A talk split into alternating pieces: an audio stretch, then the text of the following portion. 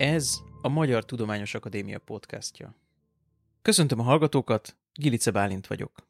Ha meghalljuk azt a szót, hogy gyep, a legtöbbünknek a focipályák, városi parkok és a kiskertek rendszeresen nyírt, üde zöld pázsitja ugrik be. Nem így az ökológusoknak, akik számára ez a fogalom rendkívül sokszínű, és olykor igencsak veszélyeztetett életközösségeket jelent. Róluk kérdezem mai vendégemet, Török Péter ökológust, az MTA Debrecen Egyetem lendület, funkcionális és restaurációs ökológiai kutatócsoport vezetőjét. Üdvözöllek, örülök, hogy elfogadtad a meghívást. Én köszönöm a meghívást.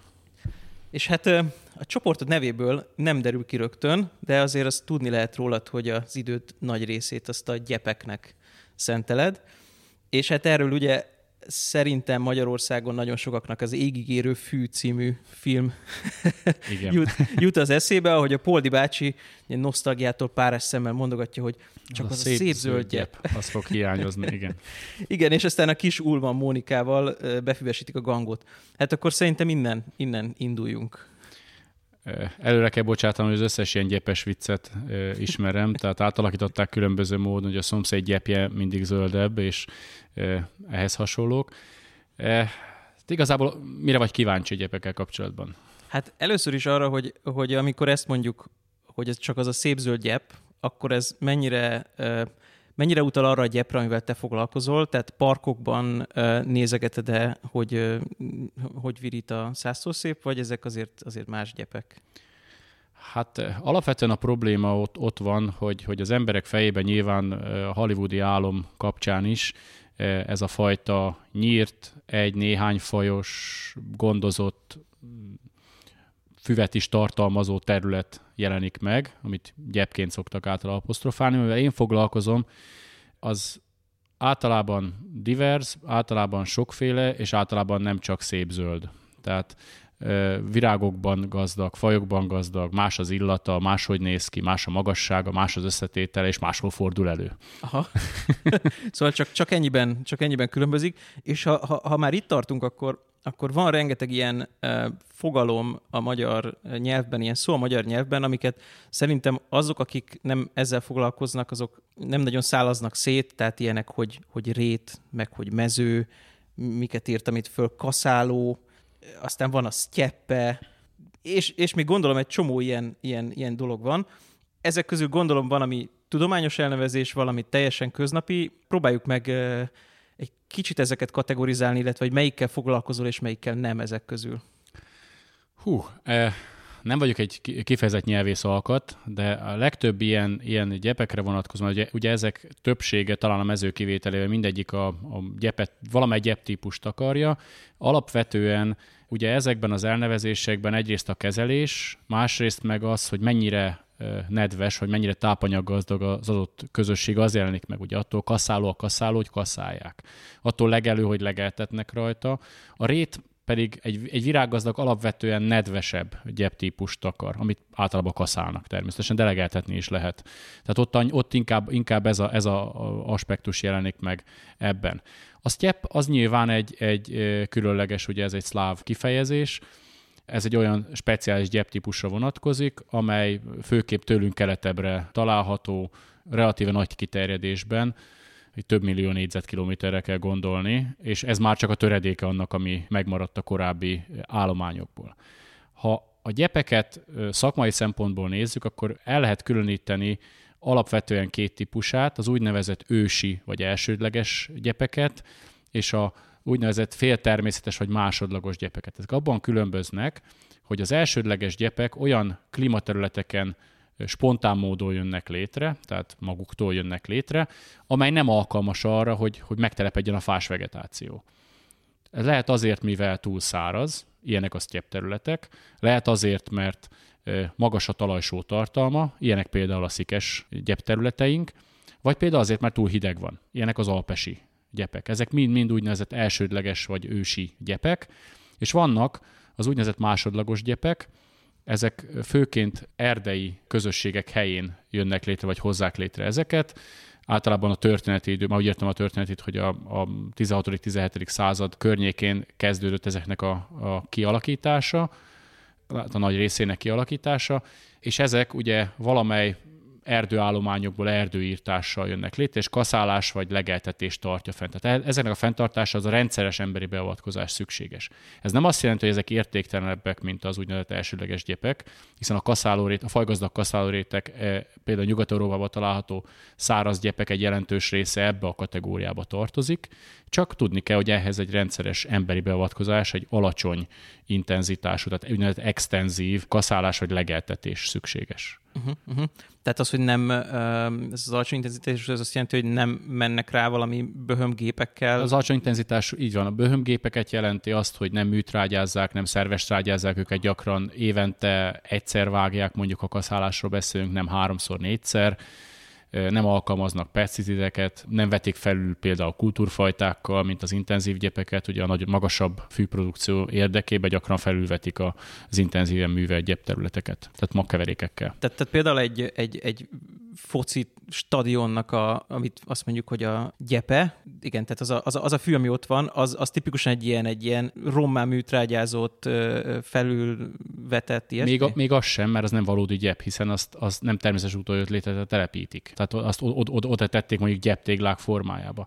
Tehát igazából nem nagy különbség van az, illetve egy gabonaföld között, amit szintén fű van benne, hiszen fűfélék a Igen. gabonák, csak nem olyan szisztémában, és nem azzal a célra hozzák létre, mint egy focipálya gyepet. És akkor a gyep az elején mondtad, hogy még csak az se kell hozzá, hogy fűfélék legyenek benne, vagy az azért kell? Az azért kell hozzá. Azért kell. Tehát, tehát alap, alapvetően ugye vagy, vagy füvek, tehát a poácébe tartozó ö, fajok, vagy sások és szittyók azok, amik meghatározzák ezt a, a vegetációt, de nyilván emellett vannak, lehetnek benne mohák, zuzmók, lehetnek éppen még, még cserjék is benne, csak alapvetően dominálnia kell a füves vegetációnak, tehát a lágyszerű vegetációnak. Akkor azt hiszem, hogy most már a hallgatók azok nagyjából tudják, hogy mit, mit értünk gyep alatt, gyepek alatt, legalábbis azt, hogy te mivel foglalkozol, és kanyarodjunk most egy kicsit vissza az elejére, hogy, hogy hogyan jutottál el idáig, honnan indultál, vagy hogy kicsit stílszerűen mondjam, hogy mik a gyökereid. Igen, ugye egy gyepeknél nagyon fontos a gyökérzet, ez kétségtelen, a kutatásnál is. Hát igazából én már kisgyermekkoromtól ez a botanikus szerettem volna lenni. Ez eléggé meredeken hangzik, de én sem emlékszem rá, de édesanyám mindig mondogatta, hogy a, ahol nevelkedtem, Körmend, az egy kisváros Vas megyébe, és ott volt, itt most is megvan egy kiterjedt kastélypark, amit meg a Batyányi család hozott létre, és ott ki voltak táblázva a növények, és nekem mindig felolvast az édesanyám, hogy mi van ráírva a táblára, a tudományos nevével együtt, és én valamilyen módon megegyeztem, és az őrületbe kergettem az óvónőket ezzel, amikor oda vitték el a gyerekeket, hogy mindig elmondtam, mi van a táblán, holott nem tudtam olvasni. Ez valahol innen indult talán a növényeknek a szeretete, aztán középiskolába elkerültem Sopronba az erdészetibe, ahol ugye mindennel foglalkoztunk, csak gyepekkel, nem? Ugye alapvetően fákkal. És az erdészeti elvégzése után a biológia tanárom úszolására döntöttem úgy, hogy akkor Debrecenbe megyek, ahol hát nem feltétlenül a fa a legjelentősebb vagy legszembetűnőbb dolog, legalábbis a Hortvágyi puszta közelsége miatt. És úgy voltam vele, hogy akkor neki próbálok egy másik dolgot is, egy másféle kutatás is, és ez lett ugye a, a gyepek kutatása. Miért volt pont ez a Debrecen? Ez, ez honnan jött? Hát onnan jött a Debrecen, hogy a biológia tanárom az a Debrecen Egyetemen végzett. Aha. Ráadásul biológusként, és ráadásul azokat az oktatókat is ismerte, akiket később én is megismerhettem ott, és ő azt mondta, hogy ha én természetvédelmi vonalon vagy, vagy, vagy növényekkel szeretnék foglalkozni, akkor ez a legjobb hely, ahol mehetek. Tehát mondhatjuk úgy, hogy ő szoktatott rá téged a fűre. Igen, igen, így is lehet mondani. Értem. Igen, és akkor ott elkezdtél foglalkozni, foglalkozni gyepekkel. Így van, így van. E, legelső vizsgálatokat még a növénytani tanszéken Matos Gábor, most már egyetemi docens vezetésével a Bohóréten, ugye ez a gyertyánkúti réteknek is apostrofált hely, ez nagyjából Telkibány és Regéc között van az Empléni hegységbe félúton. Itt kezdtünk el, azt, arra kerestük a választ igazából, hogy az újrakezdett kaszálás milyen hatást gyakorol a növényzet összetételére. Ott egy, volt egy erősen becserésedett, nagyjából 100 hektáros rét, és azt a 80-as években elkezdték ilyen úttörő munkával kitakarítani, és utána a 90-es évek elején indult el egy ilyen tervezett kalszálásos kísérlet, amiben én is bekapcsolódhattam, és hát itt szerettem bele úgymond a, a gyepek kutatásába. Most persze az első kérdés az, hogy, hogy miért érdekesek a gyepek, de azért ennél egy, egy kicsit, hogy mondjam, próbálnám szűkíteni a dolgot, hogy miért jó egyáltalán ilyen vizsgálatokat végezni a, a gyepeknél, illetve mitől lesz természetvédelmi vagy ökológiai szempontból, ha lehet ilyet mondani, hogy jobb vagy rosszabb egy gyep? Az elsőre viszonylag egyszerű válaszolni, tehát az első részkérdésedre, hogy miért célszerű, vagy miért érdemes ilyen vizsgálatokat végezni. Ugye Magyarországon nagyjából egy millió hektárnyi gyepterület található.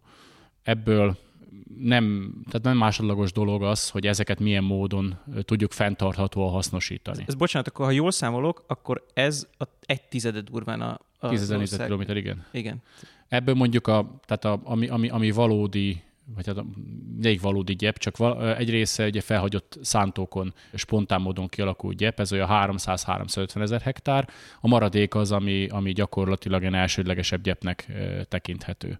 De minden esetre nem, nem elhanyagolható szempont az, hogy ezeket milyen módon tudjuk fenntarthatóan hasznosítani.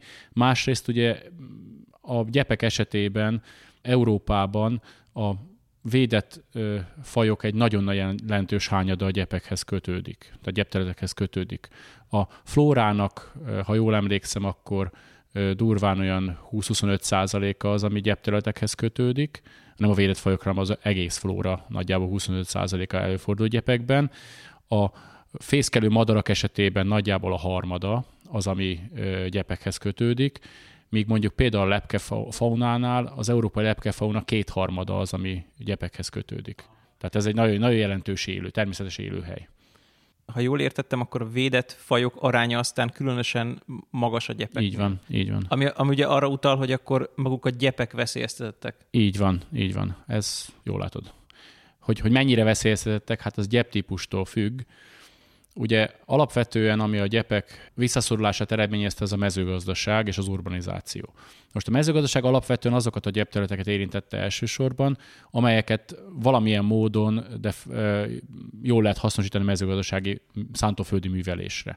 Ilyenek voltak például a gyepterületek jelentős része, amik azoknak a nagy arányú eltűnését okozta. Tehát Ukrajna területén, vagy Oroszországban, vagy Kazaksztán területén a sztyepp állományok több mint 90%-a eltűnt mára. Még így is hatalmas területek vannak, de, de ugye még hatalmasabb területek voltak, ugye a 10%-okat látjuk látjuk, vagy például Ukrajna estében 3%-uk maradt meg mindösszesen. Aha. De például mondjuk a szikesgyep területek azért maradtak meg jobb állapotban, mert ezzel nem tud mit kezdeni a mezőgazdaság. Aha, Tehát aha. ha nedves, akkor azért rossz, ha száraz, akkor meg azért rossz a művelés szempontjából. És ezek között a megmaradó gyepterületek között, ezek, mondtad ezeket a, a szikeseket, amik ilyen szempontból különlegesek. Ugye az erdőknél is lehet azt tudni, hogy például az ilyen szurdokok, meg, meg ilyen, ilyen nehezen elérhető helyek, azoknál ott ilyen csodákat lehet találni, mert, mert ott egyszerűen nem, nem érdemes erdészkedni nagyon, mert nem tudják kihozni a fát. A te tudományterületeden, a gyepeknél, ott melyek ezek az ilyen, sokszor ilyen, akár ilyen váratlan dolgok, amire nem is gondolna az ember, hogy hol vannak értékes területek, amihez valamiért nem nyújt hozzá az ember. Mert a szikeseket azért azt mondjuk úgy, úgy szerintem az átlagember is úgy érti, hogy, hogy az, az, az miért nem elérhető a mezőgazdaságnak. Hát igazából, a, ahol, ahol érdekes és legalábbis számomra különleges ö, élőhelyfotókat lehet találni, az a hegységek. Ugye nyilván vannak, tehát a, a hegységekben is vannak úgynevezett ősi gyepek, ezek az olyan sziklagyepek, amelyek amiatt nem erdősülnek be, mert nagyon, nagyon meredek a lejtés, és alig van talaj. Uh-huh. De ezek, ezek apró zárványszerű foltokként fordulnak el, és sokszor nagyon nehezen megközelíthetőek. Ugye gyakran a hegymászók tudják csak megközelíteni ezeket a foltokat, és ezekbe lehet találni érdekes ritkaságokat, olyan ritkább növényeket, amiket az ember nem, nem úgy közönséges módon belefut, meg összességében sokkal jobb állapotúak. Bár hozzátenném, hogy azért a nagyvadállomány ezeket is elég rendesen tudja legelni. Az, egy, egy ilyet hallottam, hogy a, a muflonokat nagyon nem szokták szeretni, hogy ők szeretik a déli lejtőket télen, hát nem is csak lelegelni, hanem széttaposni. Hát igen, igen, a muflon az tipikusan egy olyan, olyan hogy nyilván mindig az a szoktak, azzal szoktak érvelni, hogy igazából az egy adott területre eső muflon létszám az viszonylag alacsony. Ez teljességgel így van, csak azonban az a pár muflon, ami az adott négyzetkilométeren van, az abban a sziklagyebben fog tartózkodni, mert ott, ott talál legelni valót. Aha, aha. Tehát, tehát a, ha, ha területegységre vetítjük, valójában nem lesz nagy a, az állategység per hektár, tehát a, a, a legelési nyomás, de az a legelési nyomás azt az értékes közösséget fogja nagyrészt érinteni. Uh-huh. És egyébként a, megint egy ilyen teljesen laikus dolog, hogy jártamban, keltemben, ahogy nézem a különböző mondjuk úgy, hogy gyepeket, akkor így az út, az út szélén, tehát mondjuk nem a, nem a búzaföldeket, akkor azért látszik, a, tehát rend, rengeteg vaddisznó, túrás, vad, vadkár, ilyesmi van. Azok a gyepek, amik téged érdekelnek, vagy amik, amikkel te foglalkozol, ott ez az egész vad történet, ez mennyire jelent problémát? Ezzel kapcsolatban konkrét vizsgálataink viszonylag kevés van, de én úgy gondolom, hogy a nagyvad bolygatás ezekben a gyepekben szükséges sok esetben.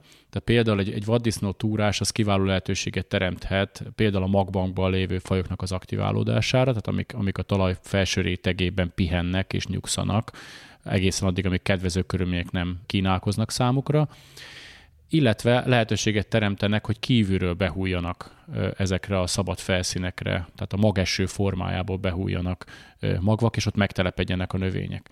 Olyan tájban azonban, ahol például egy, egy adott gyepfolt van, de körülötte szántóföldek vannak. Egy ilyen bolygatás gyomosodást eredményez, hiszen valószínűleg gyomnövények tudnak betelepelni ezek, ezekbe a foltokba. Tehát úgy gondolom, hogy, hogy mindig, mindig kontextus függő a vadnak a megítélése, és nyilván a mennyiség az megint egy, egy, egy fontos dolog azonban sokkal nehezebben becsülhető a vadrágás, vagy épp a, akár a vadnak a táplálék spektrum, amit mondjuk egy, egy jó legelés, vagy egy, vagy egy szarvasmarha legelés. Tehát én úgy gondolom, ebben nagyon sok tennivaló van még ezen a területen. És akkor amik, amik viszont jól becsülhetők, tehát ez a jó, jó és szarvasmarha, őróluk mit tudtok? Alapvetően a gyepterületek jelentős részét azt valamilyen módon, valamilyen szempontú legeltetéssel kezelik. Ugye a legeltetés az két leggyakoribb állat ugye a juh és a szarvasmarha, ami nem egyformán legel. Tehát, tehát ugye nem lehet azt, tehát a, legtöbb vizsgálat általában azt csinálja, hogy van egy legelés kizárt terület, amit körülkerítenek mondjuk dróthálóval, megerősítve nyilván, hogyha marháról beszélünk, és van egy, egy legelt állapot, ahol valamennyi állat legel. Ez mindig változik, hogy adott szituációban mennyi állatot legeltetnek, meg ennek is van egy csomó összetevő, de ebbe most fölösleges belemenni ezekbe a részletekbe. De a lényeg az, hogy a kísérleti elrendezés nagyjából úgy néz ki, hogy egy legelés kizárt és egy legelt előtt hasonlítanak össze. Mm. Nem veszik figyelembe sok esetben, hogy milyen gyeptípusról van szó, mert például egy alacsonyabb biomassa produkciójú gyepben, tehát ahol kevesebb fűterem, mm. ott kisebb mennyiségű állat is sokkal nagyobb hatást tud gyakorolni, mint egy olyan közösségben, ahol nagy mennyiségű uh-huh. a fűprodukció. Ugye nem mindegy, hogy milyen állat végzi a legelést, hiszen például a, bí- a birkáról legelése az nagyon érdekes, a metszőfogaikkal harapnak nagyon uh-huh. közel a talajhoz, tehát akár egyedenként ki tudják szedegetni a, egy fajhoz tartozó növényeket. Aha. A szarvasmarha ezzel szemben a nyelvével csap egyet, Aha. és azzal összenyal egy csomót, Aha. és azt harapja le. Tehát ő egy nagyon alacsony vegetációban nem is tud legelni, Aha. legalább egy, egy, egy 10-15 cm-es vegetáció kell ahhoz, hogy tudjon ilyen csomót képezni. Aha. Tehát ő nem tud egyedre szelektálni, viszont tud nagy biomasszájú helyekre szelektálni. Tehát oda, oda megy, ahol sok van, Aha. és ott, ott kezd el legelni. Ezen kívül a, a értelemszerűen, mivel a, szarvasmarha egy nagy állat, meg kell töltenie a, a gyomrát, tehát értelemszerűen a bendőjét, értelemszerűen azt fogja tenni, hogy a tömegesen jelenlévő növényeket fogja legelni, uh-huh. hiszen abból tud sokat uh-huh. legelni. Ennek okán pontosan a közösségben legmeghatározóbb növényt nyomja vissza, ezáltal a többi tud feljönni mellette, uh-huh. tehát növelheti mondjuk a fajgazdagságot. A birka ezzel szemben a két szikőekre kénytelen rámenni, mert viszonylag kis kapacitása van, tehát ő minél, minél finomabb, minél számára jobban hasznosítható, kevesebb szilárdítóanyagot tartalmazó táplálékra megy rá, tehát ő kicsipegeti a két szikőeket például a gyebből, uh-huh. és ezáltal csökkenti a fajgazdagságot, és nagyon közel, és nagyon kicsire le tudja rágni a gyepet. Aha. Ez jelent például nagy problémát Erdélyben, egy csomó helyen, az EU-s támogatások következtében, hogy a legeltetésben engedélyezve van például a birka és, és a szarvasmarha legeltetés egyaránt, és ezért a birkát egyszerűbb tartani, Tehát egy csomó helyen szarvasmarha helyett birkát tartanak. És azokat a gyepeket, amik egy szarvasmarha legeléshez alkalmazkodtak, fajgazdagok, ha azokat birkával legeltetik, akkor az borzalmas hatást tud gyakorolni a gyepre, a aha. fajgazdagságára legalábbis. Aha, aha. Tehát akkor ez, ez a kép, ami mondjuk bennem élt egy, egy birkáról, hogy a birka az füvet eszik, az, az, az nem, nem, nem így van. Nem. Hát eszik füvet is nyilván, de, de, de alapvetően ez igyekszik mindenben a magas tápértékűre rámenni. Hm.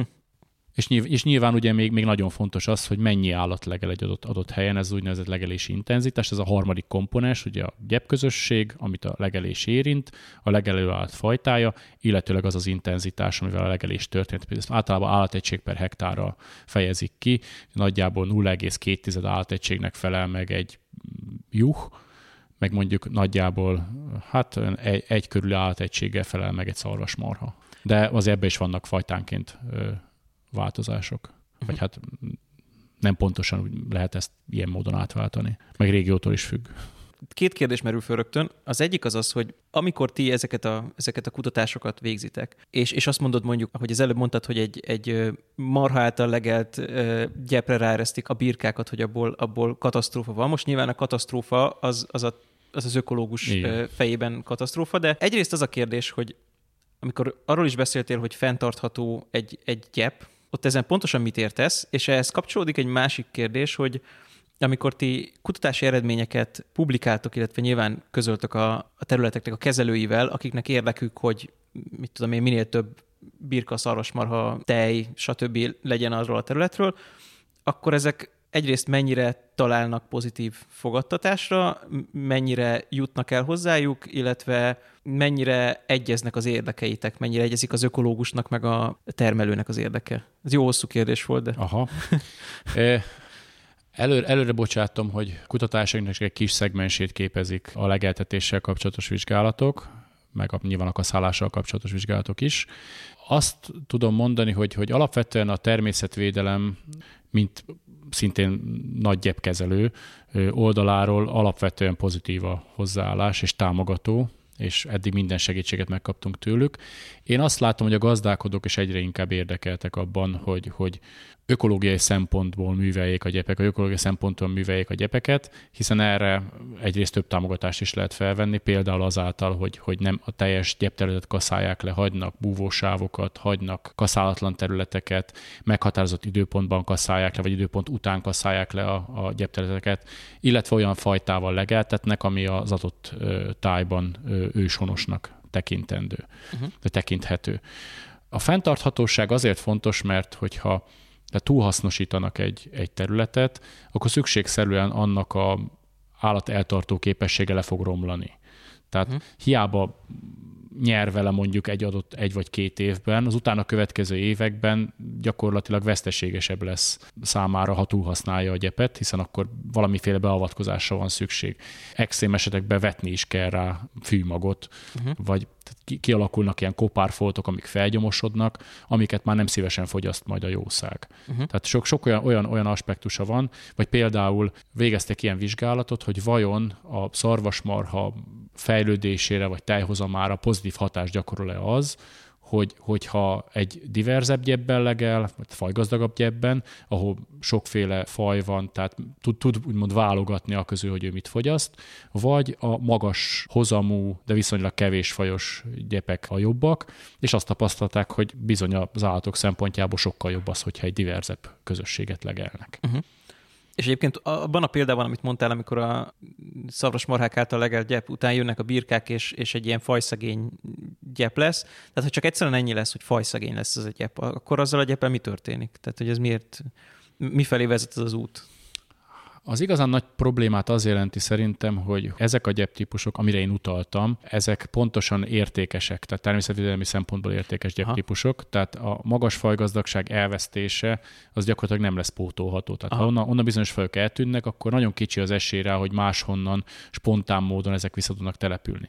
Másrészt, ha van egy ilyen viszonylag tehát egy erőteljes legelési legelés ér egy, egy gyepterületet, pláne birka által, és az adott közösség nem ahhoz a legel, típusú legeléshez van alkalmazkodva, akkor sok esetben az történik, hogy valamely zavarástűrő vagy taposástűrő faj el fog szaporodni, és kiszorítja a többit. Tehát nem, nem csupán pusztán a legelés fogja a fajgazdagságot csökkenteni, hanem az utána következő hatások. Aha, Tehát aha. Az, az, hogy bizonyos fajok előnybe kerülnek a többivel szembe, vagy pláne, hogyha ezt felhagyják ezt a tevékenységet, akkor meg különösen, hogy egyrészt a hullatékokon keresztül, meg egy csomó minden keresztül többlettápanyag is kerülhet ebbe a rendszerbe, és az ugye megint csak a felé fogja eltolni, hogy egy vagy néhány, akár gyomosító vagy gyomfaj, akár ilyen közönségesebb fűféle veszi át az uralmat. Uh-huh, uh-huh. Én azt hiszem, hogy ilyet javíts ki, hogyha ez nem az, amire most gondoltál. Szerintem ilyet talán láttam Kárpátokban, hogy egyrészt az ilyen birka, esztenák és ilyesmi helyén itt egy ilyen hatalmas sóskamező szokott fölnőni. Gondolom a tápanyagot szereti. Vagy... Igen, igen, igen. A, a, másik pedig az, hogy megjelennek ezeken a tényleg sokszor centisre legelt gyepeken ilyen más fajba tartozó ilyen fűcsomók, amiket láthatóan nem uh-huh. bántanak. Tehát ezek lennének azok a fajok, amik jobban tűrik ezt a zavarást igazából ez, e, e, a, ezek a sóskafélek, vagy épp a csalán, ezek, ezek tipikusan olyan helyeken jelennek meg, ahol nagyon intenzív a, az állatlegelés, plusz az állat hullatéka is nagyon mm. nagy mennyiségbe kerül oda. Ha csomós a fű, az általában nem akkora nagy tragédia. Általában a tarackoló, kúszó füvek szokták jelenteni a problémát. Aha. Nyilván persze, hogyha nem fogyassza az állat a csomós füvet, az is okozhat gondot, uh-huh. de, de az alapvetően sosem tud akkora intenzitásban lefedni egy, egy területet, ha csak persze, hogy a föld alatti dolgokat nem, föld, hogy gyökérversengést nem veszük uh-huh. figyelembe, mert nem mindig csak a, néha csak a jéghegy csúcsa a fűcsomó, uh-huh. és az alatta lévő gyökérzet sokkal fontosabb mondjuk a közösség szempontjából, de akkor általában azzal nem szokott akkor gond lenni. Uh-huh. Kicsit kerülgettük ezt a, ezt a témát, mert beszéltél a magbankról, és magáról arról a témáról, hogy milyen egy gyepnek az élete, vagy az életciklusa. Alapvetően el szoktak különíteni, ez ilyen tankönyvízű szöveg, de el szoktak különíteni három típusú folyamatot, ami, ami az időben zajlik egy, egy adott növényközösségben, legyen az egy gyep. Az egyik az úgynevezett fluktuációs folyamatok, ami azt jelenti, hogy évről évre a csapadékjárástól, hőmérséklet viszonyoktól függően más-más növény jelenik meg, más eltérő mennyiségű virág keletkezik. Tehát van, van egy ilyen éves dinamika, uh-huh. vagy pontosabban van egy ilyen nem kiszámítható dinamika, azért hívják fluktuációk, uh-huh. ingadozások. Aztán van ugye a, a szokásos, ezt ciklikusnak hívják, ugye az évszakok váltakozásának megfelelő változások a uh-huh. gyepekben. Tehát tavasszal más növények lesznek meghatározók, mint a későbbi időszakban, és ez újra kezdődik a következő uh-huh. év elején. És van a harmadik, az úgynevezett szukcesszió, amikor időben elkezd megváltozni a közösség, mégpedig on egy, egy lineáris folyamat mentén, tehát valahonnan haladunk valahová. Uh-huh. Ugye ez a bizonyos záró társulás. Nyilván a szukcesszió elmélet az ennél sokkal bonyolultabb, mert a kiindulási állapotok is sokfélek lehetnek, a végállapotok is sokfélek lehetnek, és az út is sokféle lehet, ami Aha. odáig elvezet, és nem is biztos, hogy kialakul egy záró társulás. Ez is nagyon sok tényezőtől függ. És mindezt az egészet megfejeli egy nagyon hosszú távon zajló változás, ezt hívják úgynevezett szekuláris szukcessziónak, ami a klíma, makroklíma változásával járó Aha. vegetáció változás, tehát lényegében a klímaváltozás gyakorlatilag tolja az egész rendszert valamerre, uh-huh. és emellett van egy, ugye a gyepektől a cserjések vagy az erdők irányába ható változás, van egy évszakos dinamika, amit még a fluktuációk megfejelnek. Tehát ez Aha. egy nagyon-nagyon szépen összerendezett, és ennek megfelelően rendkívül bonyolultan becsülhetők akár a folyamatnak a kimenetelei, hiszen ezek mind-mind befolyásolják. És akkor e, e, ez az egészbe belekontárkodik idézőletéve maga az egész közösségen belül zajló folyamatok, uh-huh. a kisléptéken zajló populációs versengések, betelepülések, lokális kipusztulások és az ember. Aha, aha. Hát ez elég, elég bonyolultan hangzik, és még, még akkor arról nekem nincs nagyon képem, ugye szokták ezt mondani, hogy milyen növények vannak, vannak egy évesek, két évesek, meg évelők. Egy gyepnek a mondjuk a gerincét adó fajok, tehát most nagyon különlegeseket leszámítva, azoknak általában milyen életciklusuk van? Mert mondtad ugye ezt, hogy maguk is bekerülnek, mennyit kell várnia egy magnak a sorára, illetve mennyire, mennyire hosszú életűek ezek a növények, amit mi csak úgy látjuk, hogy ott, ott van a fű, csak hogy ugye az a, az a fű az ugyanaz a fű-e, mint tavaly volt, vagy, vagy ez egy másik fű? Hát azt, azt tudom mondani, hogy nagyon sok múlik azon, hogy milyen gyepközösségről beszélünk. Mm. Tehát például egy, egy nagyon száraz bucka tetején lévő homoki gyep esetében nagyon jelentős ö, arányt töltenek be az egyévesek, vagy, vagy rövid életű fajok. Ugye vagy tavaszi periódusban, az őszi periódusban a csapadékok kapcsán megtelepszenek nagy borításban rövid életű fajok, de ugye vannak olyan évelő növények, például ilyen a hüvelyes csenkesz, például, ami egy ilyen, ez egy, ez egy csomós fű, ami ott van, de nagyon elszórtan van a, a homokon rajta, de ez egy nagyon-nagyon jellegzetes példája ennek a közösségnek. Vannak olyan közösségek, amelyek alapvetően évelők határoznak meg évelő. Főleg a nedvesebb gyep közösségek esetében évelő füvek vagy évelő sások azok, amik, amik a közösség gerincét adják. Uh-huh. De például a löszgyepekben ott vannak ugyan évelő füvek is, de nagyon nagy arányban vannak kétszikűek, széles levelűek, keskenyebb levelűek. Uh-huh. uh-huh zsájafélék. Tehát, tehát nagyon-nagyon-nagyon változatos attól függően, hogy milyen, milyen a, a gyepközösség. De alapvetően egy, egy tartós gyepközösségnek nyilván az alkotóelemei az évelők, amik tartósan tudják foglalni a teret. Tehát uh-huh. nem az van, hogy mindig rákényszerülnek arra, hogy a következő évben magról felújuljanak. Uh-huh. Uh-huh. Beszéltél már itt gyomokról. Mit nevezel egyáltalán gyomnak? Azért ez nem teljesen egyértelmű szerintem. Sőt, sőt olyannyira nem egyértelmű, hogy, hogy nincs is erre egy, egy olyan definíció, amit egységesen elfogadnak. Ugye a legtágabb definíció, az talán azt mondhatjuk, hogy az agráros berkekben a legtágabb definíció az, hogy amit nem vetettünk, az gyom.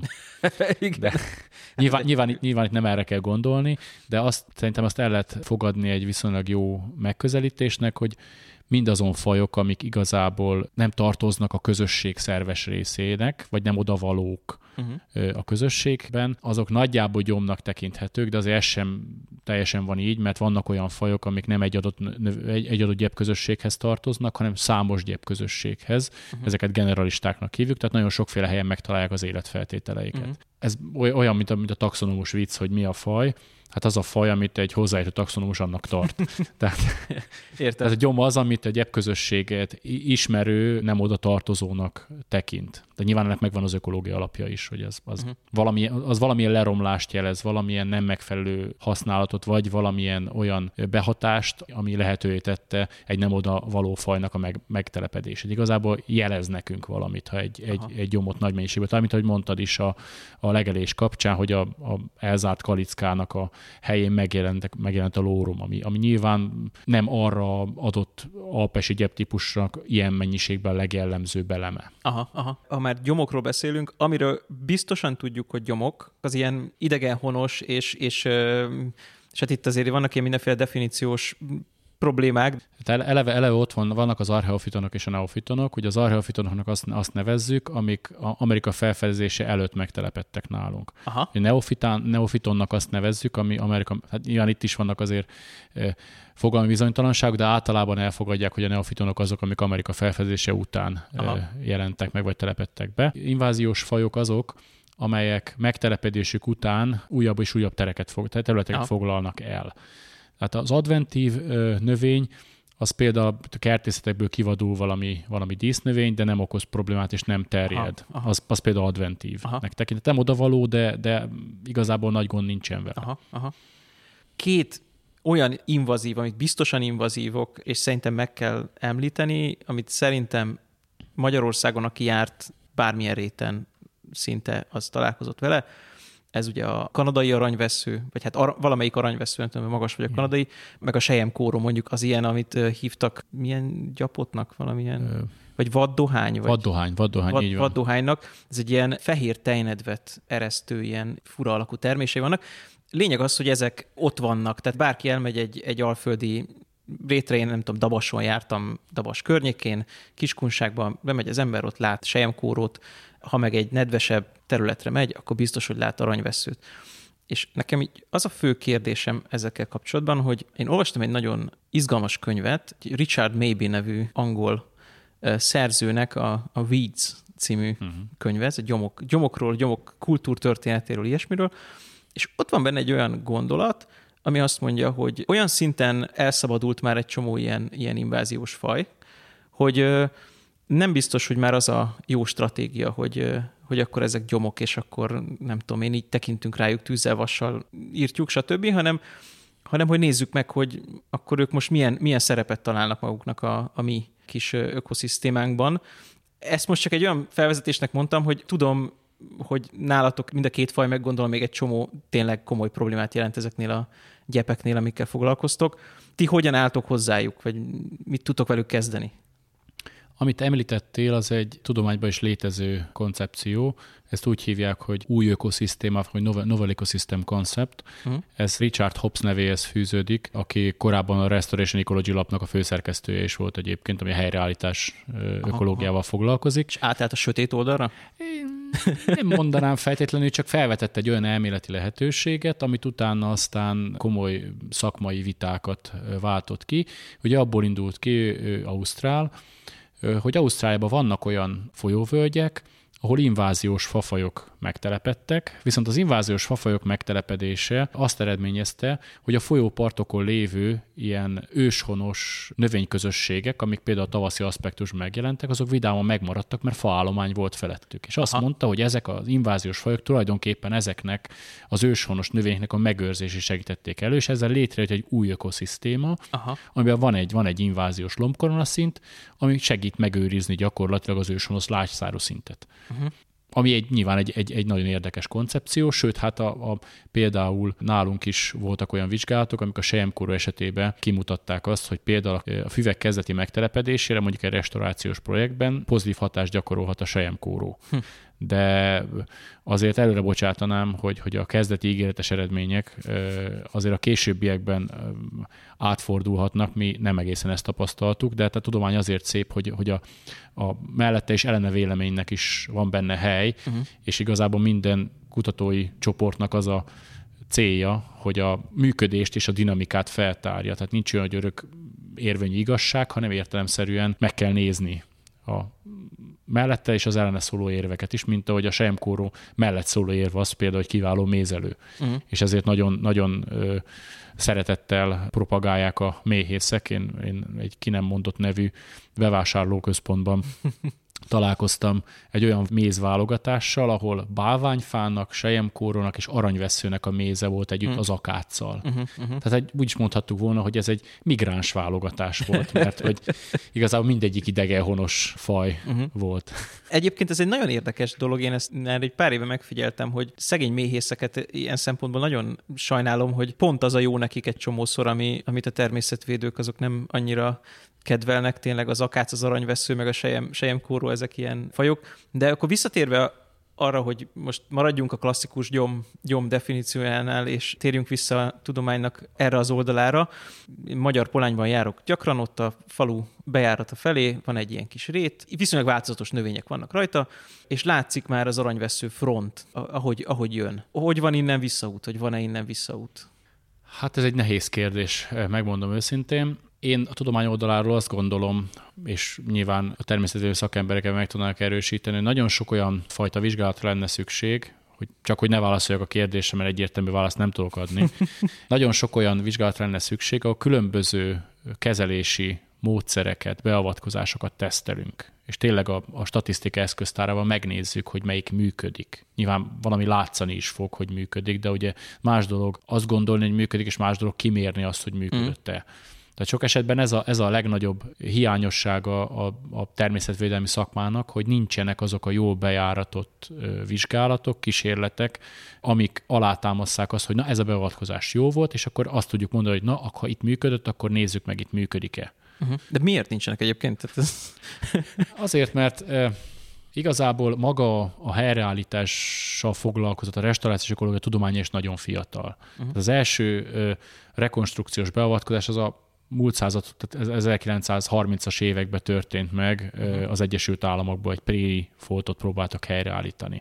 És igazából a világ csak a 60-as évek után kezdett el felébredni abból, hogy itt valami nagyon nagy gond van, és nem csak a klímaváltozás problémaköre, hanem gyakorlatilag az, hogy olyan szinten, tehát a, a, a szárazföld közel 50%-át átalakítottuk, vagy legalábbis erőteljes emberi befolyás alatt áll és ugye nyilván kitűzték az ambíciózus célokat, hogy 2020-ra a 15%-át ennek helyre fogjuk állítani. Természetesen nem sikerült, de már mindenki tudta akkor is, hogy nem fog sikerülni, amikor ezt kitalálták, Aha. hogy ezt megcsináljuk. De egyszerűen gyakorlatilag akár merre nézünk, helyre kéne állítani a dolgokat. De uh-huh. azt, azt tapasztaljuk, hogy úristen, megszűntek a, a kapcsolatok a természetes élőhelyek között, uh-huh. mert, mert építettünk egy autópályát. Aha. A folyokat eltereltük, szabályoztuk és lecsapoltuk a környezetükön lévő területeket, ami nem csak a, egy adott folyó mellett lévő gyepnek, vagy egy folyó mellett lévő ártéri közösségnek befolyásolta az életét, hanem a tőle több kilométerre lévő gyepekét is, ahonnan elvágtuk ugye a, a talajvíz utánpótlást. Uh-huh. De ha megnézzük például egy nagyon tényleg lokális példán keresztül, mindig előjönnek, én Debrecenbe vagyok most már jó ideje, hogy a, hát a nagy erdőben újul a tölgy, csemete, hogy, hogy miért mi nem lehet helyreállítani a, a tölgyeseket ott. Hát azért nem lehet, mert a talajvízet ugye elérik az idős fák, de a fiatal csemeték már nem érik el. Tehát hiába telepszik meg egy tölgycsemete, nem lesz belőle gyakran kifejlett fa, mert nem éri el a vizet. Aha, aha. Egy közösség helyreállítás vagy egy közösség dinamikája a kör, környező táj dinamikájától is függ. Tehát alapvetően át kell gondolnunk a koncepcióinkat. Tehát a természetvédelem is mozdult a, az egyes élőhelyek megőrzése felől, afelé, hogy valamilyen módon meg kell próbálni a működő képességét a tájnak helyreállítani, zöld folyosókat létrehozni, tudjanak mozogni az állatok és a növények, uh-huh. körülvenni pufferzónákkal egyes élőhelyeket, például telepíteni féltermészetes gyepeket, egy, egy mocsárfolt köré, uh-huh. vagy fasorokat ö, hozni létre például, hogy megkössék a port bizonyos helyeken. Tehát ezek mind-mind hozzájárulnak ahhoz a gondolkodáshoz, hogy ne csak az legyen, hogy ültessünk fát, mert ezzel el tudunk hatni a klímaváltozásnak, hanem tényleg próbáljuk meg olyan működő tájakat létrehozni, amelyekben az ökoszisztémák gyakorlatilag egymással kapcsolatban állnak. Nem lehet, hogy ez az egész ez, ez arra megy, vagy afelé megy, hogy ugye amit mondtál, ezek a kontrollált, tényleg számokkal alátámasztható kísérleti eredmények, hogy ami eddig volt a természetvédelmen kívül, tehát például van ez a, ez a klasszikus sokszor ellentét a, mondjuk a vízügy meg a természetvédelem között, ő el tudja zárni a vizet, és, és olyankor, mit tudom én, van egy üzemi vízszint, megmondják, hogy ez mennyi, és nem mindig érdekli őket, hogy, hogy mi van mögötte, mondjuk, hogyha ha, ha elzárják. De hogy azért ennek nyilván az is volt egy oka ennek a helyzetnek, hogy ők tudtak számokat mondani. Tehát, hogy ők tudtak, tudtak vízszinteket, meg szabványokat, meg ilyesmiket mondani, és hogy ez csak a tippem, de amit mondasz, abból ez, ez jön ki, hogy, hogy a természetvédelem az nem tud cserébe számokat adni, és hogy mint hogyha ezen dolgoznátok, hogy most azért legyenek számok. Így van, de egyébként ez világléptékben is megnyilvánult. hogy A restaurációs ökológia, a helyreállítás ökológia tudománya már a kezdetektől fogva megpróbálta elmagyarázni a társadalomnak, hogy, hogy, hogy megadni azokat a számokat, hogy, hogy mi az, amit nekünk az élő rendszerek adnak, uh-huh. vagy egy, egy gyep adhat. Tehát erre találták ki ezt a természeti tőke fogalmát, Aha. hogy a rendes tőkéhez hasonlóan adjunk egy természeti tőkét, azokat az erőforrásokat, amiket fel tudunk használni, és azok az úgynevezett ökoszisztéma szolgáltatások, uh-huh. amiket nyújtani tudnak például a gyepek azáltal, hogy a megporzóknak tartósan adnak táplálékot. Ugye ez mennyi forintba jelentkezhet mondjuk egy nemzetgazdaságban, hogyha mondjuk nem csak a három-négy hetes akácvirágzásra kell a méhészeknek berendezkedni, és utána akkor most mi van, táplálni kell magától a méheket, mert elpusztulnak, uh-huh. vagy van egy vegyes virágmésztermelésünk, ami ezekre áll rá, ezekre a gyepekre, ami fenntartható módon, módon zajlik, és nincs az, hogy lefagy az akácvirág, és akkor itt, itt nemzeti katasztrófa van. Uh-huh. A másik dolog ugye az, hogy a biológiai védekezésben nagyon sokat tudnak adni ezek a meglévő természetes élőhelyek, hiszen azok tartósan ott vannak, tehát hogyha mű, művelés intenzívebbé válik, akkor ide vissza tudnak húzódni azok a predátorok, amik, amik egyébként szabályozhatják mondjuk a mezőgazdasági kártevők állományait, uh-huh. egyszerezés nélkül. Uh-huh akkor például fel tudják fogni a mezőgazdasági területekről kijutó műtrágyát, és ez nem kerül a talajvízbe, mert fel fogják venni azok a növények, Aha. amik ott vannak. Aha. Akkor ezen kívül például esztétikai funkciót is betöltenek. Tehát uh-huh. képzeld el, mindig ezt a példát szoktam elhozni, képzeld el a Stonehenge-et egy erdőbe. Uh-huh. Ugye mindenki látja a csodálatos fotókon, ott a Stonehenge zöldjebb körülötte, amit hozzátennék egy restaurációs programba hozták létre a szántóföldeken körülötte uh-huh. a gyepterületet. Beszéltem is azokkal, akik, akik ebben a munkában részt vettek. Uh-huh. Tehát, vagy például ugye az a, az a nagyjából két milliárd ember, akinek az élete például a gyepközösségektől függ a legeltetés révén, vagy legeltető uh-huh. állattartás révén. Ez mind-mind gyakorlatilag forintosítható. Hát igen, csak nehéz, igen, ne, nehez, na, nagyon, nehez. nagyon nehéz forintosítani, ami a gyakorlatban megvalósul, ilyen Európai Uniós agrárpolitika, meg ilyesmi, az, az valamennyire fölismerte ezt, hogy, hogy valahogy egy kicsit hogy mondjam, volt, volt annak idején a, a közlegelők megszüntetése, és ez mintha egy ilyen ellentétes folyamat lenne, hogy, hogy ismét legyenek ilyen idézőjeles közlegelők, de, de, de hogy nyilván egy kis gazdának, vagy egy viszonylag kis gazdának, de akár egy nagyobb gazdának is nem feltétlenül érdekel, hogy meghagyjon egy gyepsávot két szántó között, hogyha ebből ő nem lát közvetlen hasznot, de hogyha mondjuk van neki egy terület alapú támogatása a gyepsávra, ami magasabb, akkor, akkor azt fogja mondani, hogy persze, hát akkor most nem vetek ide sávbúzát. Ez nyilván egy, egy pozitív hozadéka ennek a szabályozásnak, vagy például az, hogy úgy tudom, egy jó, ide, jó ideig a gyeppel borított területre vonatkozott a támogatás, tehát egy csomó becserésre egy gyepen azért távolították el a cserjét, hogy nagyobb legyen a gyeppfolt mérete, tehát ez közvetlenül több támogatást eredményezett, tehát van ilyen pozitív hatása is. Aha. Azonban alapvetően azért a kelet-európai agrárium túlnyomóan, nyilván nem vagyok ennek a szakértője, de amit olvastam, abban ez szerepelt, alapvetően forráshiányban szenvedett, ergo a támogatásokkal nem azt érték el igazából Kelet-Európába, hogy, hogy akkor a természet megőrzése hatékonyabb lett, hanem gyakorlatilag az egyébként extenzíven művelt dolg, dolgokat intenzifikálni tudták ezekből a támogatásokból, és hagytak persze nyilván a, a szabályozásnak megfelelő extenzív dolgokat, de sokkal kevesebb lett a támogatással fenntartott extenzív az intenzívhez képest, pontosan a támogatási rendszerek miatt. Tehát most a, a, ezt megpróbálom így lefordítani egy kicsit ilyen egyszerűbb nyelvre, egy olyat tudunk elképzelni, hogy mondjuk volt egy gazda, aki egy területen mondjuk, mit tudom én, legeltetett, néhány, néhány tucat birkát mondjuk, és akkor abból, abból élt, és bejött egy ilyen támogatás, és akkor abból mondjuk tudott venni egy traktort, és tudta kétszer kaszálni azt a cuccot, eladta a birkáját, és nem tudom, eladta a szénát, vagy valami ilyesmire gondolunk? Pontosan, vagy például, például a szántóföld esetében többet tudott műtrágyázni azokon Aha. a részeken, ahol, ahol eddig, eddig nem volt rá forrása. És azzal ugye nyilván pontosan ellentétes hatást érte, mint aminek a szellemében az egész rendszer ki volt találva. És ez például a, azt hiszem talán, hogy az agrárterületekhez kötődő madárfajok esetében Lengyelországnál egy, egy nagyon drasztikus zuhanást tudtak kimutatni pontosan az agrártámogatások miatt, az Aha. intenzifikáció fokozódásával.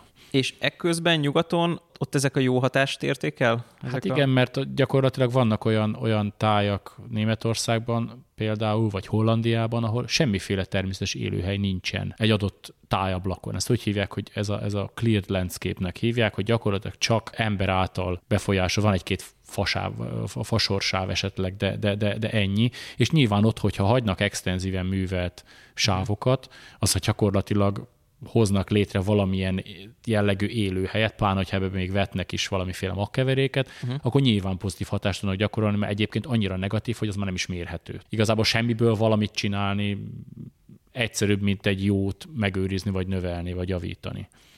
Még visszatérve, a, a, amit mondtál ezekkel a magkeverékekkel, beszéltél a, a talajoknak a mag, magbankjáról, illetve azért mondtad azt is, hogy, hogy azért sok helyen nem az egyéves növények adják a, a, a gerincét, hanem, a, hanem az évelők. Ezekkel a magkeverékekkel, ezekkel mit lehet elérni? Esetleg még egy másik kérdésre is, amikor az aranyveszőről és ilyesmikről volt szó, hogy ott, ott van esélye így támadni. Igazából itt megint, megint több cél lehet egy magkeveréknek. Tehát egy, egyrészt ugye alkalmazhatják ezeket a magkeverékeket például komplet élőhely rekonstrukcióra. Tehát az, hogy van egy szántóföldünk, amin gyepet szeretnénk.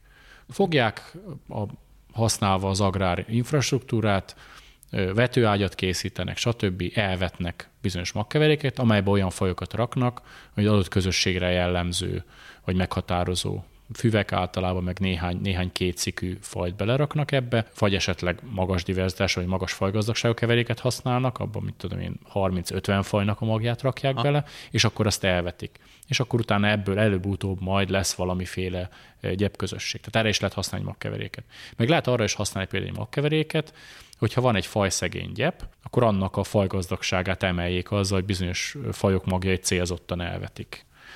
Hát az aranyvesző esetében a baj az, hogy az aranyvesző az ugye egy, egy klonális évelő. Tehát az azt jelenti, hogy, hogy a talajban tarackol, tehát uh-huh. így, így elkúszik mindenhová, és masszív állományokat képez. Tehát abba vetni uh-huh. gyakorlatilag esélytelen. Lehet vetni, csak akkor kidobjuk az ablakon a magot, vagy gyakorlatilag képtelen megtelepedni emellett a növény mellett. Viszont arról hallottam már, az aranyvesző nem tudom, hogy így van-e, de egy csomó faj esetében, például ilyen, ilyen volt a, a siskanátippan is, ahol félparazita növényt vetettek, hm. félparazita növény magját vetettek, ugye a, a parazita növény, meg, vagy a félparazita növény megtalálta a hm. siskanádat, és elkezdte parazitálni, és ezáltal gyakorlatilag a vitalitása csökkent, és kezdett felnyílni ez a gyep. Aha. Tehát, tehát magát, magát egy, egy, egy, egy parazita növényt használnak, ezt úgy hívják, hogy ökoszisztéma mérnök faj, ja. hogy egy ilyen, ilyen módon visszanyomják az inváziós fajok állományait. Ez mi, mi volt ez a faj egyébként, ez a parazita? Nem, nem emlékszel el? Ez, val, ha jól emlékszem, ez, ez valamilyen kakastaré faj volt. Ah, aha, mert most hirtelen a csormolya jutott eszembe. De az, a, az, az, az, az, tehát a, az rokon, nem? Így van, tehát a, meg, meg ugyan, ugyan, ugyanúgy félparazit, tehát a csormolyák is, a szemvidító fű félék, akkor a, a zsellérke, meg, meg ezek, ezek mind-mind félparazita növények. Ugye a kakastaré, meg a kakas címer szintén. Ezeket a magkeverékeket, ezeket egyébként hogyan szüretelitek, vagy aratjátok, vagy nem tudom, tehát ez, ez hogyan, hogyan jutok hozzá egy ilyen speciális magkeverékhez? Hát a helyzet Magyarországon nem túl reménykeltő, bár, bár pozitív változások vannak, de az a helyzet, hogy a magyarországi vetőmagpiacot lehet így fogalmazni, a külföld dominálja. Például, ha bemész valamely bevásárlóközpontba, és akarsz venni mondjuk neked focipálya fűmag keveréket, akkor ha megnézed a származási helyét, nagyon jó esélye Hollandia, Dánia, esetleg Új-Zéland, még ez is lehetséges, hogy a, a, onnan származik a, az adott mag, és van benne körülbelül három vagy négy csenkesz faj, meg esetleg angol perje, ami mellette van különböző arányokban attól függően, hogy magasabb növésű fűre van szüksége, tehát ilyen hobbi háttérnek, vagy tényleg focipálya fűmagot szeretnél, akkor, akkor nyilván az alacsonyabb növésű, jobban bokrosodó fajok vannak benne. De körülbelül ez úgy, úgy, úgy kimerül a, a magkeverék választék. Ha speciálisan termelőtől próbálsz beszerezni, akkor talán a, a közönségesebb kétszikű fajok, tehát amit mondjuk mezőgazdasági termelésben van, szarvaskerep, meg ilyenek, azoknak a magját be tudod szerezni, de, de nagyon messze vagyunk attól az állapottól, ami például Németországban van, ahol fel van osztva az ország, azt nem talán kilenc ökorégióra, ahonnan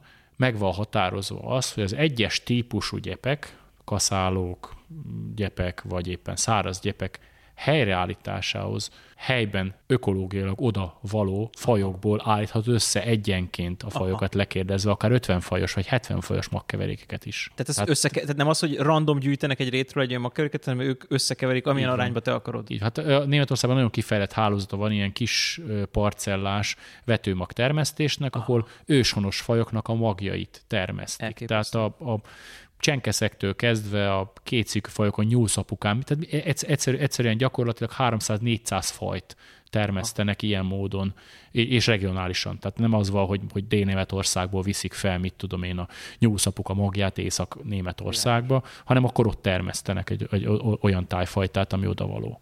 Most hülye kérdés, hogy ez nálunk miért nincs ez, ez pénz? Alap, pénz, alapvetően forráshiány. Tehát Aha. én úgy, úgy gondolom, meg, meg eleve a szemlélet is más. Tehát, tehát, tehát tényleg azt, azt kell mondani, hogy nálunk ez, ez a fajta ökológiai szempontú mezőgazdaság alig, alig másfél-két évtizede jelent meg egyáltalán. Aha. Tehát nyugaton sokkal régebb óta, mert ők sokkal hamarabb tönkretették a környezetüket, és rájöttek, hogy ez így nem jó. Vagy legalábbis a, a kormányzati szinten rájöttek arra, hogy ez így nem jó, és, és a növekedésért nem kell mindent feláldozni visszatérnek egy kicsit e- ezekhez a parazita, parazita, félparazita dolgokhoz, azért ez, ez utal arra, hogy ezekben a gyepeknek a talajában elképesztő folyamatok zajlanak. Ugye még, még ide kapcsolódva mondanék egy ilyet, ami talán most egy ilyen sláger téma lett az erdőkben, van ez a, ez a Wood Wide Web nevű, nevű elmélet, hogy egy ilyen nagy gomba fonalhálózat hálózza be az erdőt, nem tudom, hogy ebben most tudományosan meddig mentek el, de bizonyos kapcsolat lehet a fák között is, stb. stb. Ez gyepekben, mi, mit tudtok erről? Mi, mi folyik egy gyepnek a talajában? Ez a fajta mikorhiza kérdés viszonylag távol áll addig kutatásaimtól, de azt mondhatom, hogy a tömlős gombák egy nagyon nagy hányada az lágyszárú fajokkal gyökér kapcsolt. Tehát uh-huh. ugy, ugyanez a hálózat a gyepekben is. Ha a erdőkben létezik ez a hálózat a gyepekben, úgy gondolom szintén megvan. Én azt hiszem, hogy és ezért, ezért sajnálatos például a természetes élőhelyek pusztulása és a természetes közösség pusztulása, hogy nagyon-nagyon a felszínét kapargatjuk annak a dinamikának, azoknak a folyamatoknak, amik igazából egy természetes közösség működését meghatározzák. Ha csak a restauráció oldaláról közelítjük meg, tehát a helyreállítás oldaláról közelítjük meg, akkor egy olyan gyepet helyreállítani, ami és ugye ez megfordítottuk a folyamatot, tehát megpróbáljuk kiépíteni egy olyat, ami korábban működött.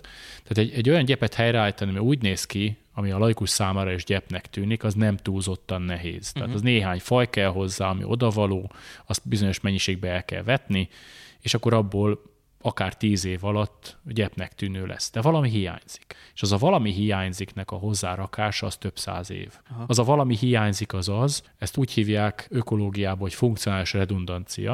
Aha. Ez azt jelenti, hogy egy csomó olyan faj képes együtt élni, ami elvileg ugyanazt a funkciót töltené be egy közösségbe. Tehát uh-huh. elvileg, hogyha nagyon mechanisztikusan akarják megközelíteni a dolgot, akkor ki kéne, hogy szorítsák egymást, mert ugyanazt a forrást hasznosítják, és mégis ott vannak mhm. egymás uh-huh. mellett. Na ez a funkcionális redundancia, amit nem tudunk helyreállítani sok Aha. esetben, mert ez nagyon sok minden kell. Kell az, amit említettél, a talajban lévő bonyolult mikróba közösség, kell az a fajta regenerációs dinamika, vagy helyreállításos, helyreállásos dinamika, ami egy normális működő közösségben megvan az, hogy vannak felnyíló foltok, abba betelepszenek akár a magbankból, akár a külső helyekről fajok, az évszakok változásával való dinamika, illetve kell az hozzá, hogy legyen valami olyan fogyasztóközösség rajta, akár ízelt lábúak, akár magasabb rendű fogyasztók, akár például kérődzők, stb., amik biztosítják azt a mikroléptékű bolygatást a rendszerben, ne legyen túl sok, ne legyen túl kevés,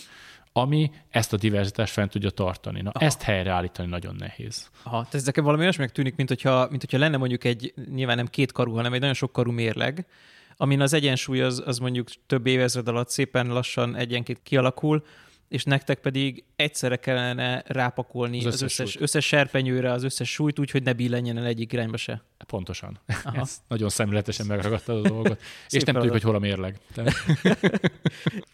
próbáljuk meg így lekerekíteni ezt a beszélgetést, olyan értelemben, hogy a négy őselemnek a megidézésével. Jaj. Hát ugye a föld, a föld az, az, az már volt, azt hiszem azért a, a maguk terjedése kapcsán, ha nem is levegő. beszéltünk róla, de a levegő ott volt, és akkor most még a gyepek kapcsán szerintem tudod most mi fog jönni? A tűz. Ami nekem meglepő volt, amikor nézegettem a blogodon a, a, a cikket, zárójeles megjegyzés, egy Péternek egy nagyon jó blogja van, amit majd a adáshoz mellékelt jegyzetekben majd ott lesz a link. Kutatói blogok között kattintásban nyertél az egyik évben talán? Valami ilyesmi volt. Igen. De mind, minden esetre egy, jó, egy, egy nagyon jó blog, akit érdekelnek a, a gyepek, meg az ökológia, meg néha a, a sörözés és a, a nem, ez tényleg csak sörkóstolás és a, a különböző érdekes helyeken tett ökológiai szempontú kirándulások.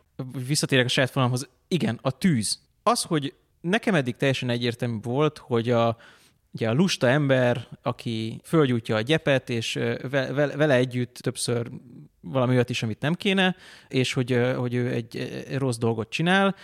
Ugyanakkor hallottuk persze, Ausztráliában volt kontrollált égetés, az egy, az egy nagyon régi tradíció, de valahogy úgy gondoltam erre, hogy Magyarországon biztos, hogy aki gyepet éget, az jó ember nem lehet.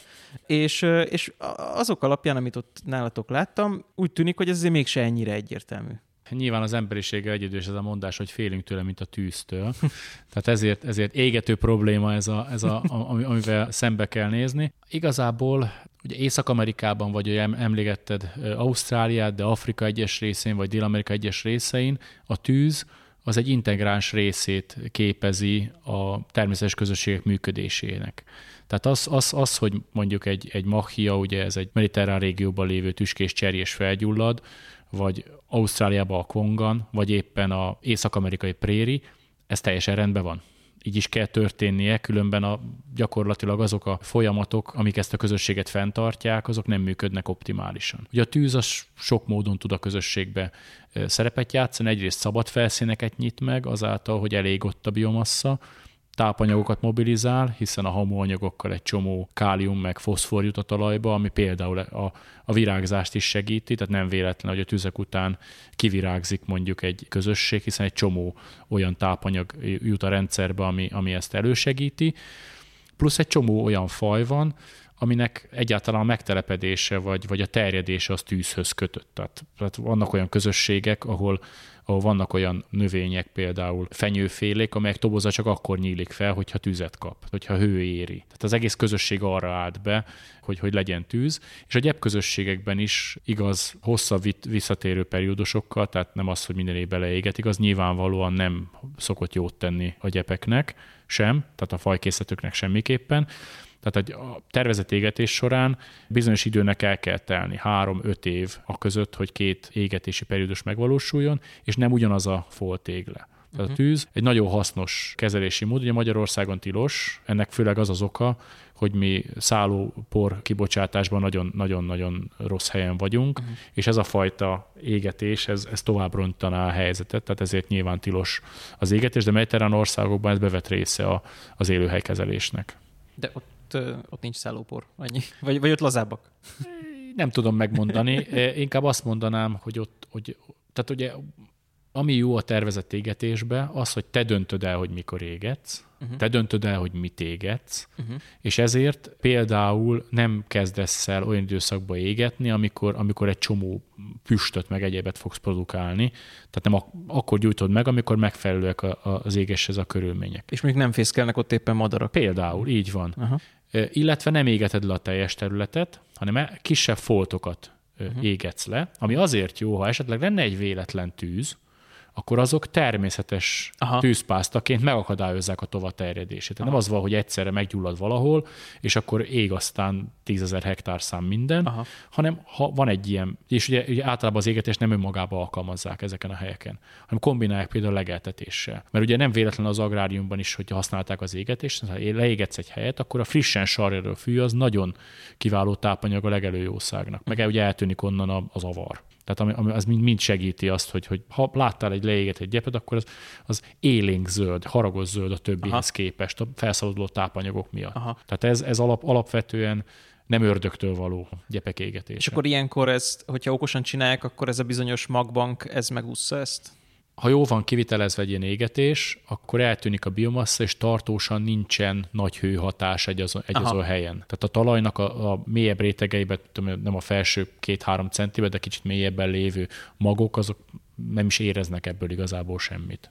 Kössünk oda egy pillanatra, mert ez nagyon érdekel, és, és a magbanknál kimaradt ez a kérdés, hogy láttam a blogodon egy képet, amikor ilyen talajfúrást csináltál, és ott egy elég hosszú ilyen fúró szár volt, abból nyilván nem tudom mennyi a hasznos minta, de hogy milyen vastagok ezek a talajok, ahol még életképes magok vannak, ahol maga tényleg ez a magbank, hogy mondjam, még érvényes valutát tartalmaz, és hogy ezek meddig, meddig jók ezek a magok, meddig élnek. Ezzel lényegében a két legfontosabb kérdésére a magbank ökológiának rá is kérdeztél, tehát egy, egy konkrét számmal nem tudok válaszolni az elsőre, és, és, és a másodikra sem, de azt tudom mondani, hogy igazából a felső néhány centiméter az, ami, az, ami funkcionális szempontból egy adott közösség számára releváns, tehát uh-huh. onnan, onnan, onnan lehet számítani gyakorlatilag magvak kicsírázására, számos dolog ugye határozza meg egy magnak a csírázását, éppen akár a tűz is lehet egy ilyen szignál, vagy pontosan a tűznek a füstjei és az abban lévő anyagok lehetnek egy uh-huh. szignál arra, hogy mag csírázzon, de lehet például a fény,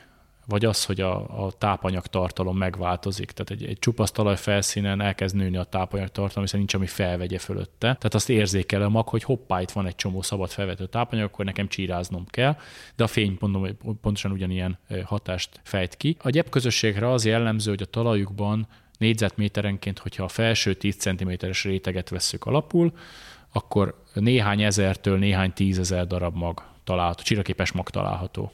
Bocsánat, mekkora a területét? Egy négyzetméter. Egy négyzetméteren néhány És felső 10 centi. Igen. Tehát, aha, tehát akkor az egy tized köbméter.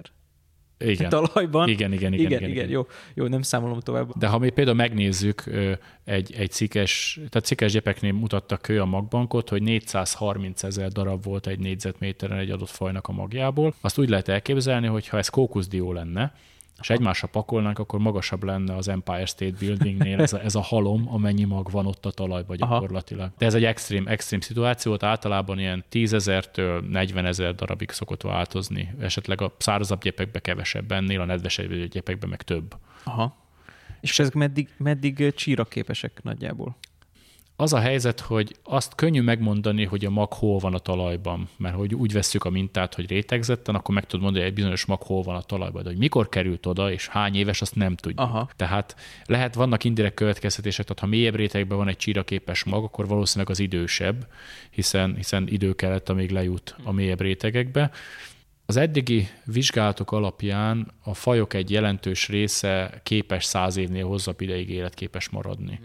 Legalábbis herbáriumi tárolás mellett biztosan. Aha. Illetve abban az esetben, hogy olyan körülmények közé kerül, tehát mélyebb talajrétekbe kerül, akkor sokkal stabilabb a hőmérséklet és a nedvesség, valamint a levegőviszonyok. A legtöbb fajnak a magjának kell valamilyen környezeti fluktuáció vagy ingadozás, ami aktiválja azt, hogy ő csírázni fog. Viszont a kevés olyan faj van, vannak azért, amik, amik közömbösek ezekre a feltételekre, és elvileg, hogyha mondjuk van megfelelő mennyiségű nedvesség, tehát nem foglalkoznak azzal, hogy most akkor van-e hőingás, vagy, vagy akármi, akkor csíráznak, de egy csomó fajnak úgynevezett magnyugalom állapotában van, ami különböző anyagok válthatnak ki tehát amik felhamozódnak a magokban. És ez nagyon hosszú ideig képes benne maradni a magban, tehát nagyon hosszú ideig képes megőrizni a csíra képességét. De akkor annak is lenne mondjuk értelme, hogy, hogy vagy van értelme, hogy van egy terület, ahol mit tudom én, gyep volt, de valamit muszáj építeni, és akkor fogják a felső réteget, az egészet eh, le, legyalulják, nem tudom én, 20 centit,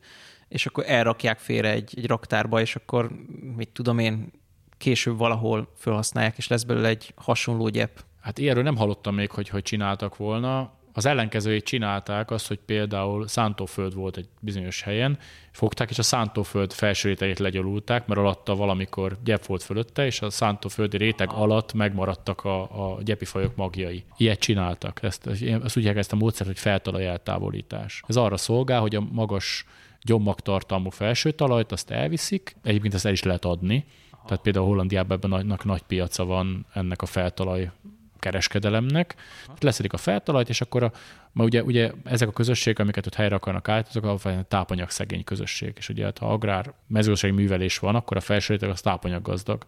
Az leszedik, és akkor az alatta lévő tápanyag szegény rétegen spontán módon is tudnak, tudnak csirázni, egy csomó fajnak a magja képes átvészelni ezt az időszakot a mélyebb rétegekbe. Mondtad ezt a herbáriumi körülmények között, ez, erre, erre akkor van konkrét adat? Tehát, hogy fogtak egy herbáriumi lapot, és szépen kicsiráztatták a, a magoton? Így is, így is történt, de van, van egy, egy nagyon extrém eset is ilyen herbáriumi dolgokkal kapcsolatban. Ez 1942-ben bomba találat érte a British Múzeumnak a növénytárát, és a tűzoltók kijöttek, és fecskendőkkel oltották a herbáriumot, ha. és volt egy sejmakác nevű növény, aminek a herbáriumi lapja elkezdett csirázni, és ugye pontosan datálva volt, hogy mikor gyűjtötték. Azt hiszem, úgy emlékszem, hogy 147 éves volt a, a herbárium. Tehát így, így lehet nyerni indirekt módon is adatot adatokat arról, hogy mennyi lehet a maximális életképes vagy csíra képessége a magvaknak. De, de ugye, ha például ásatásoknál szoktak találni ilyen magokat különböző edényekbe rakva, vagy, vagy rituális nyakláncok formájában, vagy annak a belsejében, és ott is sikerült már több száz éves magokat kicsiráztatni. Tehát ez egy, ez egy kiváló, a magbank egy kiváló lehetőség arra, hogy például más tudományterületeken dolgozókkal együttműködjünk, régészekkel. Ha már más tudományterületeknél tartunk, akkor a ugye negyedik őselemhez térjünk rá, hogyha ilyen kicsit ilyen, ilyen misztikusra veszem itt a, a hangot, mert hogy ahogy nézegettem a, az írásaidat, neked van egy ilyen hidrobiológiai szál a kutatásaid során, ami, ami nekem sehogy nem passzol a gyepekhez. Erről egy kicsit, hogyha, hogyha mesélnél így, így zárásképpen úgy fogalmazta, egy búvópatakként meghúzódik a háttérben. Hát ez igazából egy kettős dolog ez a, ez a, ez a hidrobiológia vonal. Egyrészt ugye a feleségem ő algológus, tehát ő, ő, ő hidrobiológiával foglalkozik. Tehát nyilván rajta keresztül ismerkedtem meg azokkal a nagyon kiváló fiatal kutatókkal, akik, akik ebbe, ezen a témakörön dolgoznak. Tehát az egyik oka az, hogy vannak ilyen jellegű publikációim is. Másrészt meg, meg nagyon érdekesek ezek a rendszerek, ugyanis számos olyan szárazföldi ökológiával vagy gyepökológiában lévő elméletet lehet tesztelni a vizes közösségek esetén, hogy vajon ott is úgy működik-e, ahogy. Tehát például ilyen, ilyen érdekes dolog ez a fajszám produkció összefüggés. Tehát hogyha a vízszintes tengelyre elképzeljük azt, hogy itt van a produkció, kifejezve például biomassa mennyiségbe, vagy nézzük a gyepet, akkor széna mennyiségbe, az Y tengelyen pedig a fajszám, akkor ez egy egy csúcsú görbét fog eredményezni, ami csak pupos tevének szoktuk hívni ezt az egy csúcsú görbét. Ennek az a lényege, hogy vannak a nagyon tápanyag szegény gyepek, ott ugye örülnek a fajok, ha élnek, és nagyon specializált fajok vannak, amik azokhoz a tápanyagszegény körülményekhez alkalmazkodtak. Ezért ott a biomassa produkció alacsony lesz, de a fajszám is, hiszen viszonylag kevés faj lesz, ami ezt bírja. A másik vége a görbének az egy nagyon forrásgazdag környezet, sok tápanyag van, nedvesség is rendelkezésre áll, ott a növények nekiállnak egymással verekedni ezekért a forrásokért, és vannak nagy produkciójú fajok, tehát amik nagy biomasszát tudnak, gyorsan növekednek, azok kiszorítják a többieket. Tehát magas lesz a biomassa, de alacsony fajszám lesz, pont emiatt, mivel mint a hegylakóban csak egy maradhat, tehát az extrém esetekben egy vagy néhány faj fogja meghatározni a közösséget. És van a középső rész, ami meg nagyon érdekes, ott egyrészt a stressz is, másrészt ezek a bio, biológiai folyamatok is egy viszonylag magas fajszámot eredményeznek, ezért lesz a görbe ilyen egy csúcsú amelynek a közepén van nagyjából a csúcspontja. És az, hogy ezen a tengelyen a kö, ez, ez a középső rész mennyire van a felfelé tolódva, ez nagyon közösségfüggő. Tehát gyepközösségek esetében mondjuk ha a produkciós gradienst száznak vesszük, száz egységnek vesszük, akkor olyan 20-30 egységnél található ez a csúcs. Tehát inkább bal, bal oldalt van a csúcs, és aztán jobbra. Tehát a tápanyag szegényebb, szegényebb. Szeg, szegényebb régiókba. Ha megnézzünk egy fitoplankton, tehát egy, egy, egy vízben levegő, lebegő algaközösséget, ott pont az ellenkező irányba, 60-70 százaléknál, ugye ezen a százaskán, 60-70-es értéknél van ez a csúcs. Ez azért nagyon érdekes, mert ugye alapvetően különbözik egy gyepközösség. Gyepközösségben a fajok több, több része tartósan foglalja a helyet. Tehát ott vannak oda rögzültek gyökerekkel, nem tudnak arrébb menni. Tehát nyilván ott egy jóval meghatározottabb struktúrájú szerkezetű közösség lesz, ezért jóval korábban stabilizálódnak a, a közösséget szabályozó folyamatok, ezért már az elején kialakul majd ez a, ez a, ez a magas fajszám, és aztán utána jön a verekedés rész. Még egy vízben lévő közösségnél ugye ide-oda tudnak menni az alkotók. Ha nem tetszik valami, elmegyek arrébb. Tehát, tehát al, al, alapvetően nem annyira fognak ezek, ezek a stabil kapcsolatok kialakulni, ezért sokkal később fog a kizáródás bekövetkezni. Ez is hozzájárul ahhoz, hogy például a fitoplankton közösség hihetetlenül fajgazdagok. Tehát ez, ez, ez nagyon érdekes. Tehát, tehát az ebben végzett vizsgálatok a gyep közösségek jobb megértéséhez is hozzájárulnak. Hát látunk egy közösséget, ami azokat a szabályokat követi, de nem úgy az miért lehet? Ha ezt meg tudjuk magyarázni, akkor vissza tudunk következtetni arra is. Tehát egy, egy, egy nagyon inspiráló dolog egy, egy teljesen más típusú közösséggel is foglalkozni, mert sok haszna van az embernek a saját kutatásaiban is benne. Tehát mondhatjuk azt, hogy akkor ez mindenképpen megóvattól, hogy begyepesedjék. Igen, igen, igen. akkor ezzel szeretném nagyon megköszönni az interjút. Én is nagyon szépen köszönöm a lehetőséget. A beszélgetés most véget ért, de ne csüggedjen, hamarosan újabb epizóddal jelentkezünk. Iratkozzon fel és értékelje az adást iTunes-on, Spotify-on vagy más podcast szolgáltatókon, csak keresse az MTA podcastot. Az adásokhoz pedig bővebb háttérinformációkat, linkeket találhat az mta.hu per podcast oldalon.